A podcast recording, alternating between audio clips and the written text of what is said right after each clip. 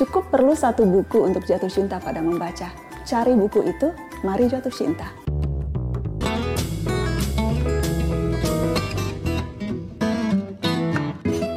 Halo guys, bersama saya Andreas Nova. Saya Anis Maslihatin. Jadi kita lagi di UGM, sedang hujan. Jadi kalau ada suara rintik-rintik sendu, itu berarti tandanya air matanya Anis.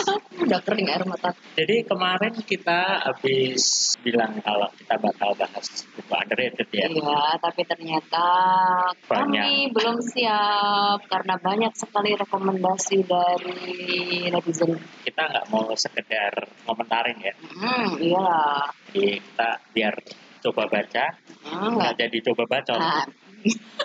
Tapi benar juga. Jadi daripada maksain mau bahas itu, ih, hasilnya jadi receh banget misalnya gitu. Jadi mending ditunda. Kita mau bahas apa?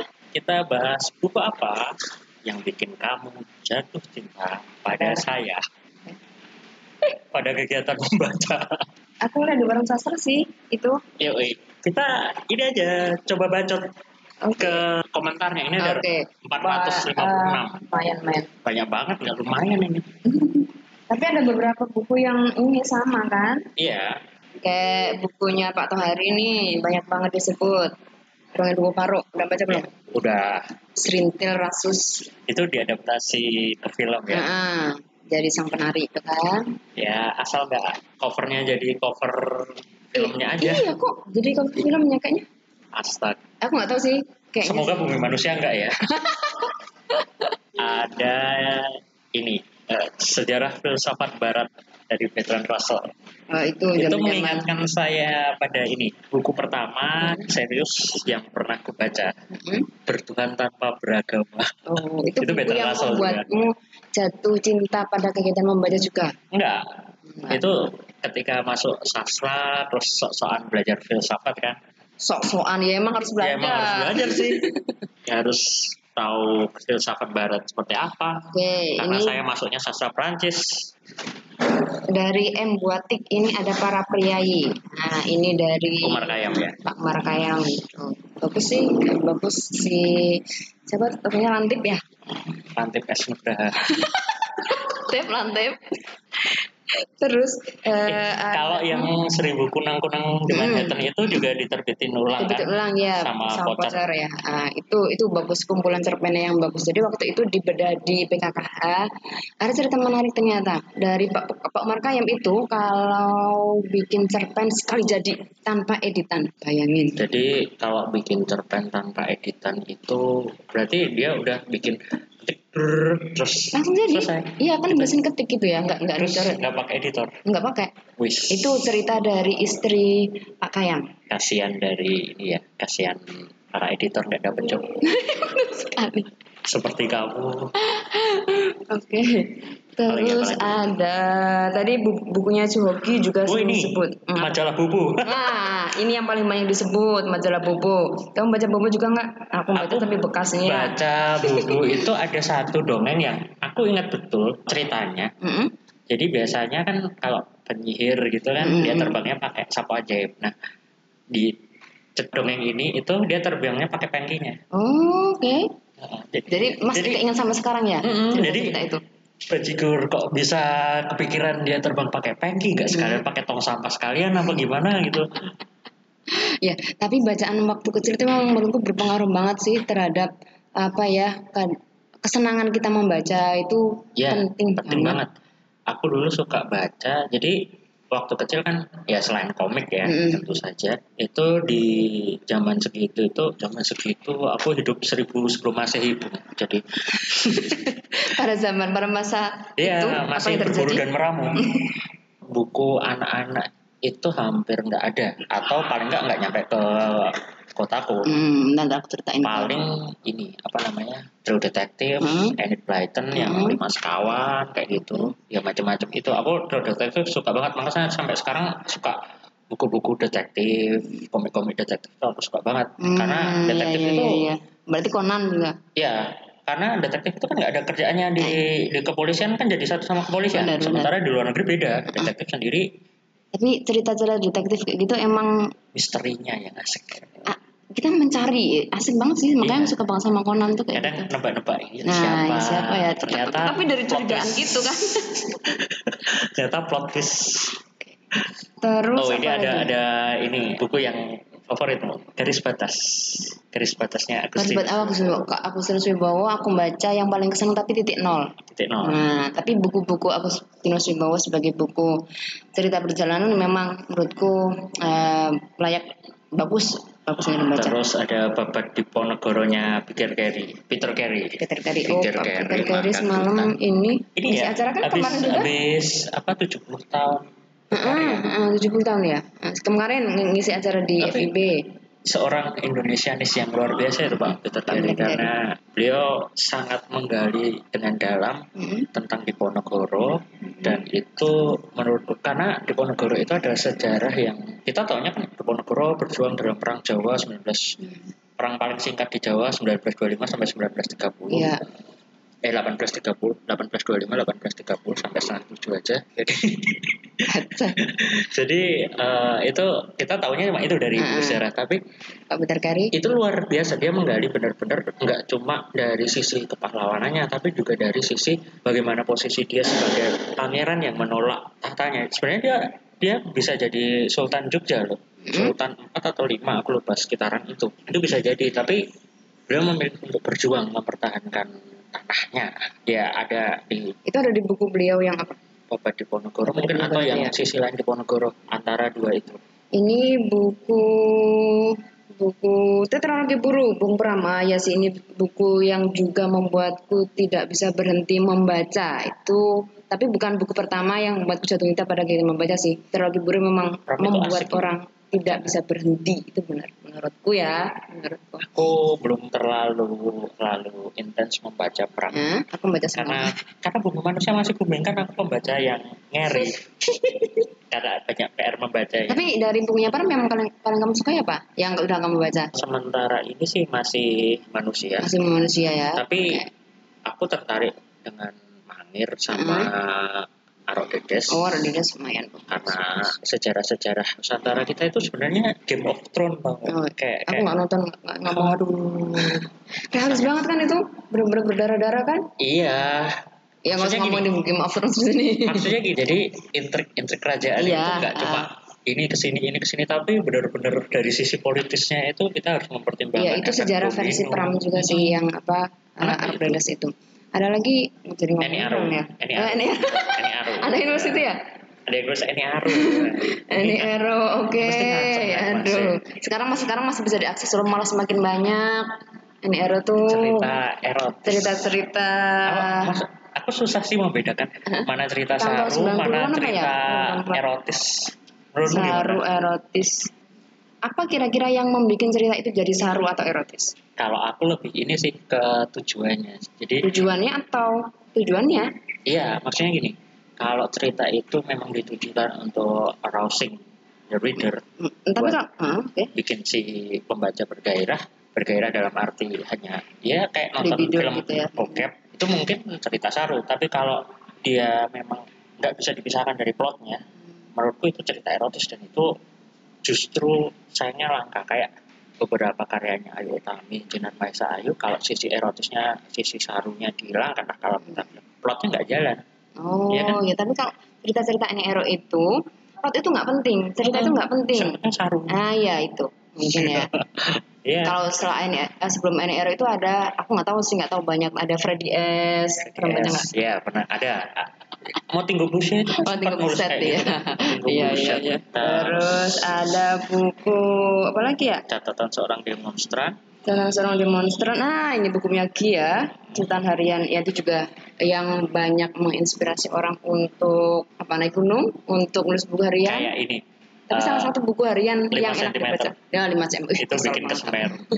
Tapi buku-buku Gi memang eh, banyak membuat orang jatuh cinta pada bacaan. Gi sendiri kan juga gila baca. Iya, betul.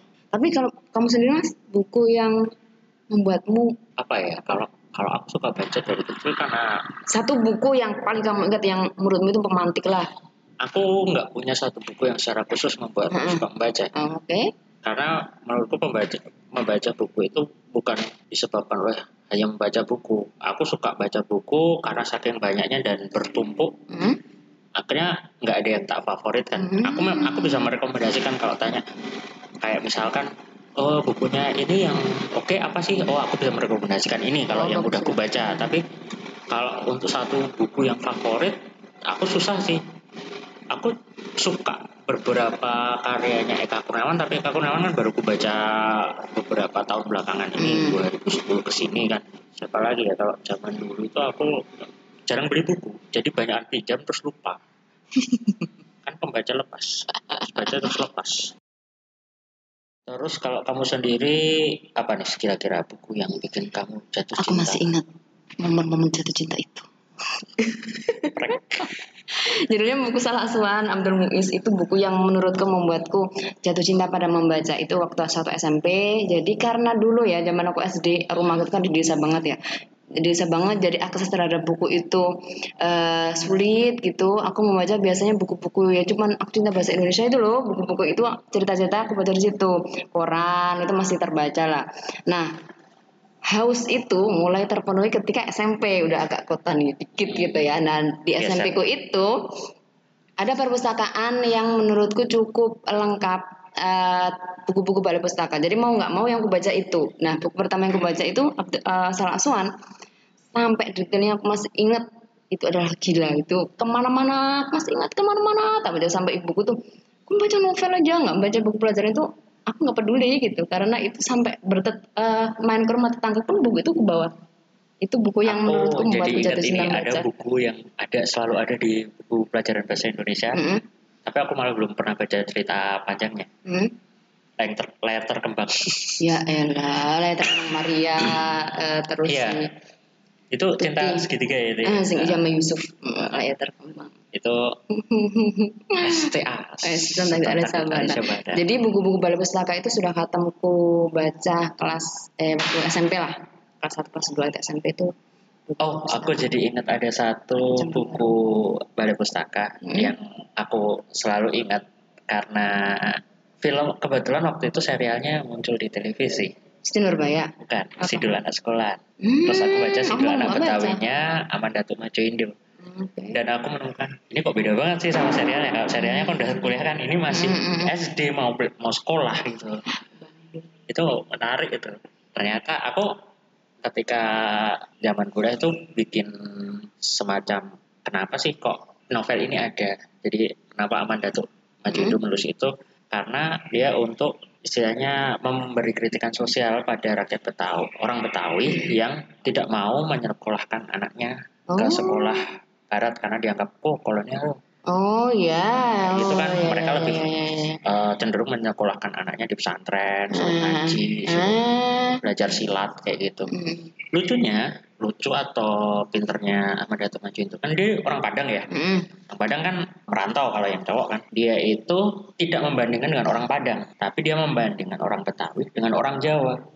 Oke, suku Jawa. Heeh, dia dia melihat dari sudut pandang orang ketiga gitu kan. hmm, hmm. Menariknya di situ. Jadi yang di yang dibenturkan bukan Betawi sama Padang yang latar belakangnya dia sendiri, Hmm. tapi dengan orang Jawa. Hmm. Menarik itu. Aku belum baca tuh. Ada lagi buku dari netizen ini. Hujan Rindu tentang kamu dari Terelie. Kamu baca novel Terelie nggak? Enggak Aku juga nggak sih jadi. apa ya? Tapi rata-rata ya. Tapi anak-anak sekolah itu memang bacaan pertamanya bukan pertama. Rata-rata yang disukai memang Terelie gitu. Misalnya. Eh Terili itu walaupun sama Menurut sama anak-anak sastra itu Hmm. dipandang ah apa sih baca Terili? Loh, tapi itu memang harus dibaca Tapi karena itu. ini pintu masuk ke Ah. ke kesusastraan. Oh ya, kok bisa?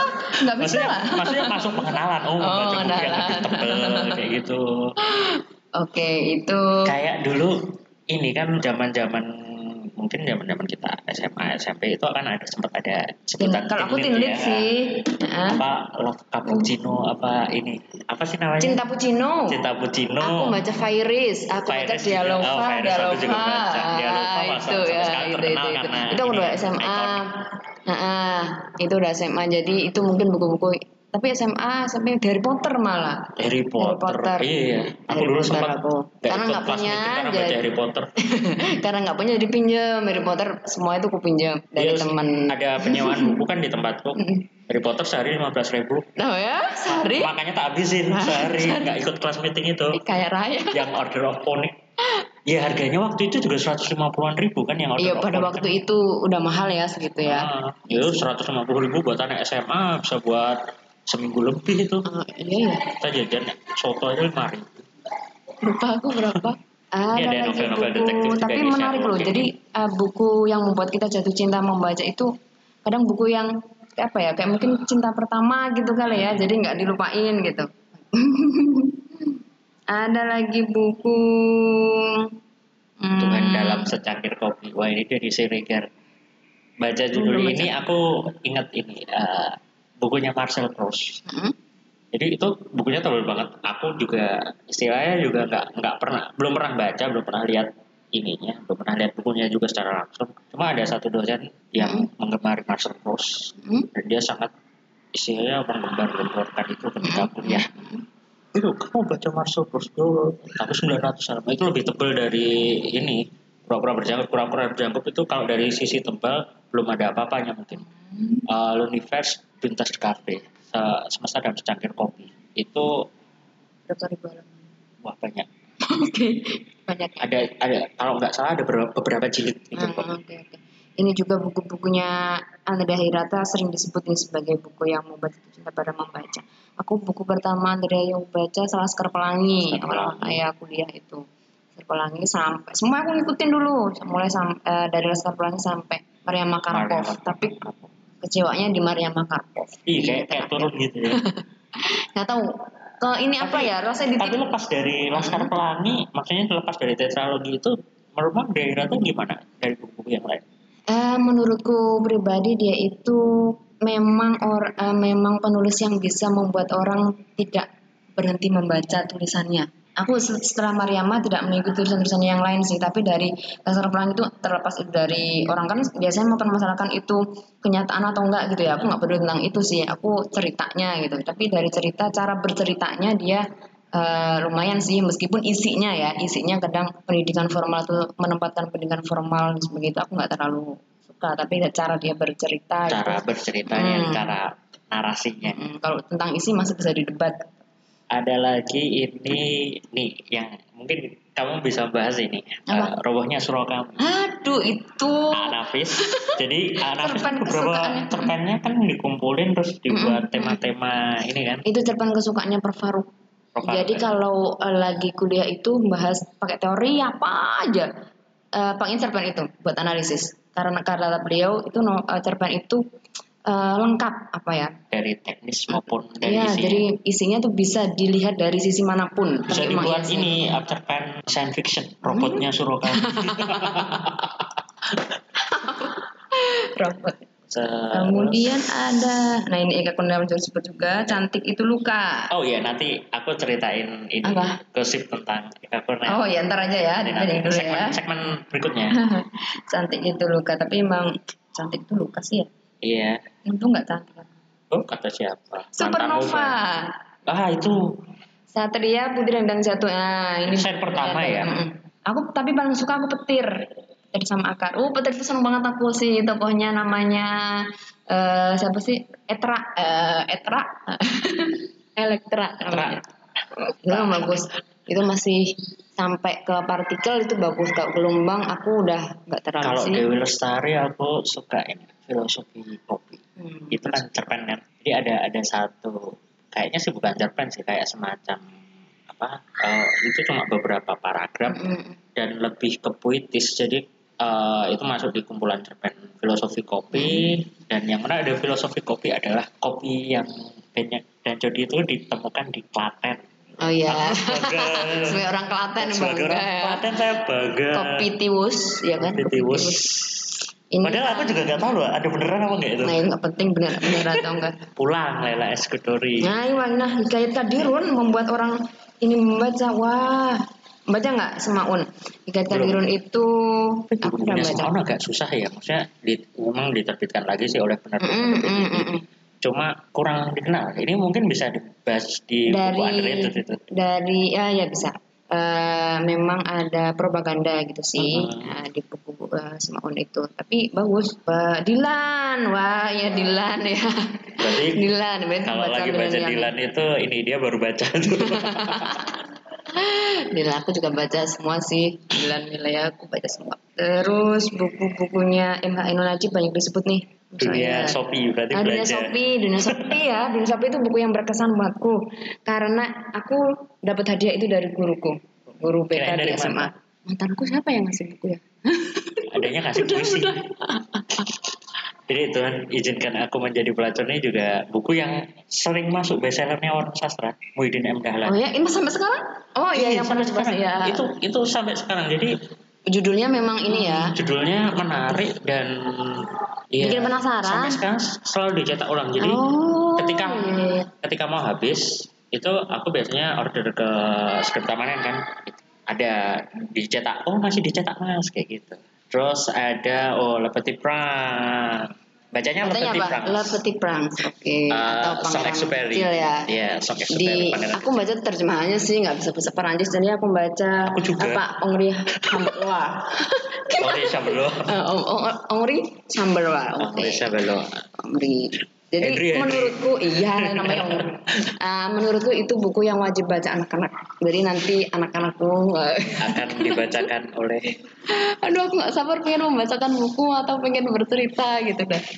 novel-novel Prancis itu selalu menarik untuk dibaca terutama karena mereka kadang bikin versi anak-anaknya gitu versi Hmm, hmm, uh, dalam apa ya, istilahnya Francais facile, Uh, uh. Prancis yang mudah Oh. untuk dibaca. Jadi kayak misalkan bumi manusia untuk anak SD. Oh gitu. Harusnya seperti itu punya kita. Oh iya ya. Uh, uh, Jadi mengenalkan sastra itu sejak dini Mm. menarik itu. Itu Oh iya, iya. Hujan bulan Juni, hujan bulan Juni, Sapardi. eh, Pak Sapardi itu yang membuat gila pada mungkin membaca ya. terus buku-buku kayak Dendron gitu. Hmm, itu memang David buku. Siko. Aku padahal baca pertama Aku Dendron. baca itu yang terakhir belum baca. Fortress. Hmm, Digital Fortress, oke. Digital. Eh, itu bagus banget Itu bagus. Eh, kan kan itu IT gitu kan. itu lebih tuh. lebih ini sih uh, aku baca itu dulu terus ketika baca dari Da Vinci Code Mm-mm. itu yang menarik dari dari Da Vinci Code adalah sisi sejarahnya yang menarik kalau dari penceritaan dan hampir sama cara berceritanya Dan Brown Da Vinci Code terus habis itu sequel sequelnya kalau yang terakhir ini yang apa sih judulnya? Ah, yang warnanya biru warna biru. Aduh, Evolution eh. Eh, no no no. Bukunya tentang teori evolusi kan ceritanya itu. Itu aku leb- nunggu edisi kecilnya dicetak Oh ya. soalnya gede banget bukunya malas banget. Bawa buku segede itu. Nggak bisa dimasukin saku penerbit penerbit itu naik Iya lebih enak sih ya. yang kecil-kecil bener ya. lah biar bisa dibawa ke mana-mana nggak makan Makanya pura-pura berjenggot. Kamu nggak selesai-selesai karena nggak bisa nggak dibawa kan? ke mana-mana. Alasan aja sih. iya di rumah harus di Ini buku-bukunya Mas Firsa Besari Uh-uh. juga sering disebut nih, tapi aku belum baca ya. Bagus. Ah. aku belum baca tapi mungkin kapan-kapan kita ada teman yang bisa bahas atau mungkin Oh bisa teman-teman itu. kalau mau bahas yang sudah baca Firsa Bersari bisa kirim-kirim komentar kalian baca baca kirim aja ke emailnya redaksi kibul suara kamu nanti kita masukin lah ini Podcast. ada lagi Jopin dong, Jopin mungkin busik-busiknya kali ya. tapi Eh, cerpennya tuh cerpennya juga bagus oh iya, depannya bagus. Mau ada novelnya loh. oh ya wah Aku kemarin lihat di. nanti itu apa segmen gibah nanti Oh iya, oke. kita nanti eh, coba gibah dulu Dibain buku. Gibahin buku melihat api bekerja Oke. jadi Eh, Arman Surya. Arman Surya. Nah, itu memang bagus sih. Itu aku bagus ada gambarnya, ada ini tuh kayaknya aku sempat pada ada momen-momen ketika buku itu sering di sisi tempat tidur gitu. Tapi Jadi kebaca-baca. ini udah baca yang ini, yang buku perkenalkan AADC 2 tidak ada New York hari ini. Hmm, iya, ah. Itu kalau dibandingkan sama melihat Abi bekerja aku lebih suka Nyaman bekerja mana? sih. Eh, apanya? Secara membaca, secara dari puisi-puisinya, Kalau aku lebih suka ini, lebih suka Abi bekerja. melihat Abi bekerja. Mm-mm. Aku pernah bikin tulisan di Kibul tuh melihat Kibul bekerja. Emang judulnya nyolong dari situ sih. Melihat Abi bekerja. Aku suka karena saya receh jadi saya suka melesetin judul-judul kayak gitu. Kamu raja. Buku pintar kan ya Iwan kayak buku pintar. Kayak gitu. Kalau kalau sekarang orang jual kayak RPUL buku Iya, pintar iya. kayaknya nggak laku ya. Aku nggak ya. Aku punya kok buku pintar itu. Masih ingat. Sekarang kita tinggal punya RPAL di punya, ini. RPUL punya. Ya ampun.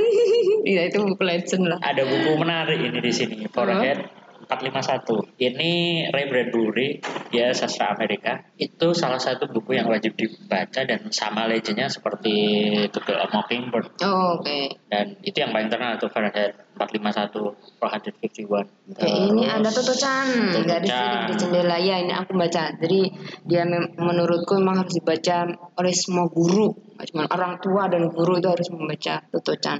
Anak kamu juga bagus. Harry Potter. Oh, Harry ya, Potter itu jelas lah. Pak Boso Jowo, Bulaya, Saman Ayu Tami. Hmm, saman ya, iya Ayu. Tami itu pernah ini, dulu kan seangkatan sama Ayu Tami itu ini, Dinar Maisa. Ah. Terkenal dengan ini Naila, terus jangan main-main dengan pelan itu. Hmm. Dulu covernya merah. Merah, ya. itu. Sekarang Aku covernya kelas nggak tiga tahu nggak jelas. Oh, kok kelas dua lah. Eh, SMA itu aku baca itu dan belinya sembunyi-sembunyi karena judulnya cukup vulgar. Mereka bilang saya monyet. Nah, itu Aku juga menarik itu. nah, Biru, itu. hijau kan, hijau kan Hmm. covernya yang lama, yang pertama. Itu yang pertama. Terus Eh, duluan mana sih mereka saya bilang saya monyet atau jangan main-main dengan kamu? kayaknya ini yang maunya dulu baru, Maunya dulu ya? Heeh, yang baru yang kelam itu. Kayaknya loh. Ntar googling aja guys. Ini buku apa lagi nih? Alkemis oh kalau Alkemis ya. di sini si Paulo Coelho. Iya ya, menarik loh ada buku yang membuat kita jatuh cinta pada bacaan tuh. Nah, ini yang nggak ada. Wiro Sableng kok nggak ada. Oh, Wiro Sableng. Nggak ada nih. Bastian Tito. Wow, itu aku dulu Aku ngikutin itu ngikutin sama ini bukunya. Kopingo.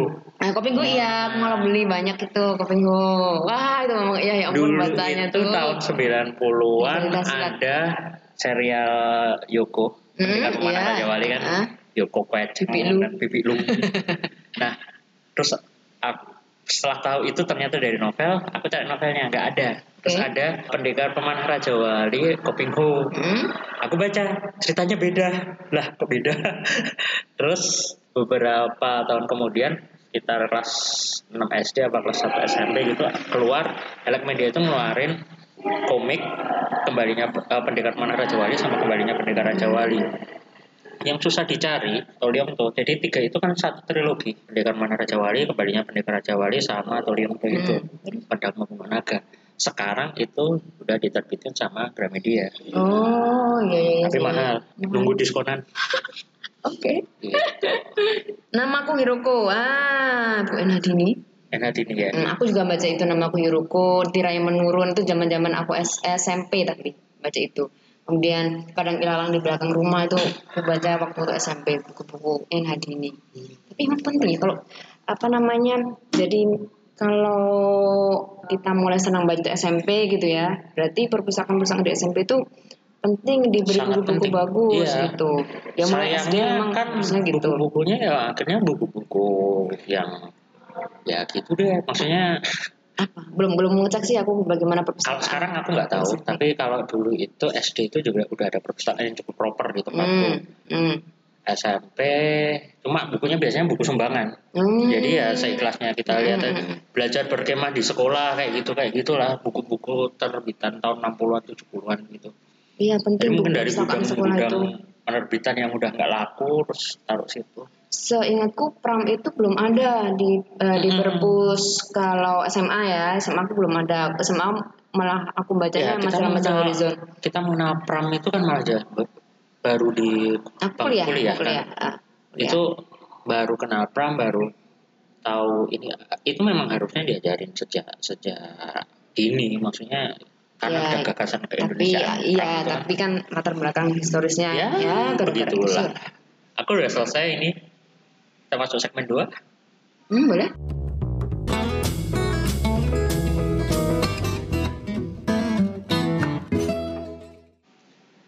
Jadi kemarin aku main-main ke kantor penerbit di Jogja. Hmm, apa itu rahasia. Masih masih dirahasiakan. Minta dirahasiakan. Terus kita ngobrol-ngobrol tentang buku yang mau diterbitkan Oke. gitu. Terus ada satu kabar yang membahagiakan. Apakah itu bahwa penerbit itu akan menerbitkan penerbitnya mana rahasia. Oh, rahasia. Oke. Penerbit rahasia itu baru itu rahasia itu. Oke. Apa apa apa Akan apa nih? menerbitkan uh. Eka Kurniawan. Oke. Menerbitkan Eka Kurniawan? Iya. Menerbitkan bukunya. Naskahnya Eka Kurniawan.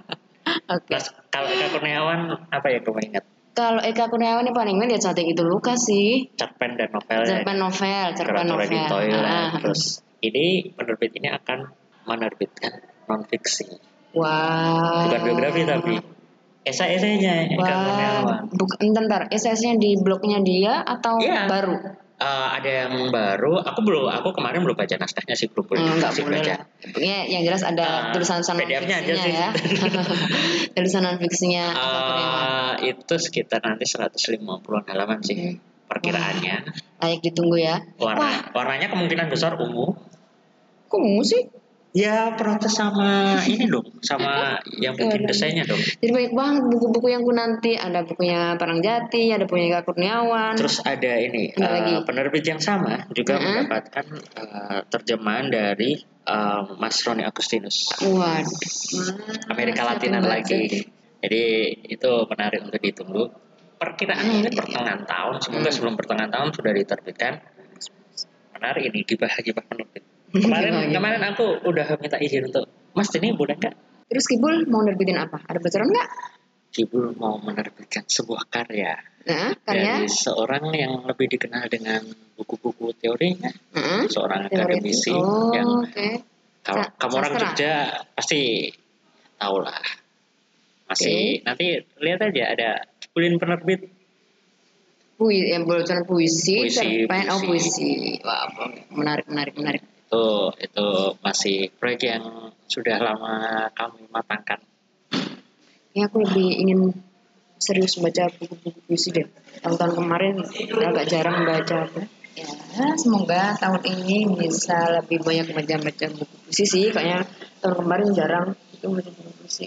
Kayaknya untuk episode ini kita cukup sampai segini. Ya, udah dulu. Kita bakal kembali di waktu-waktu yang tidak kamu duga karena kita juga lagi menyusun jadwal.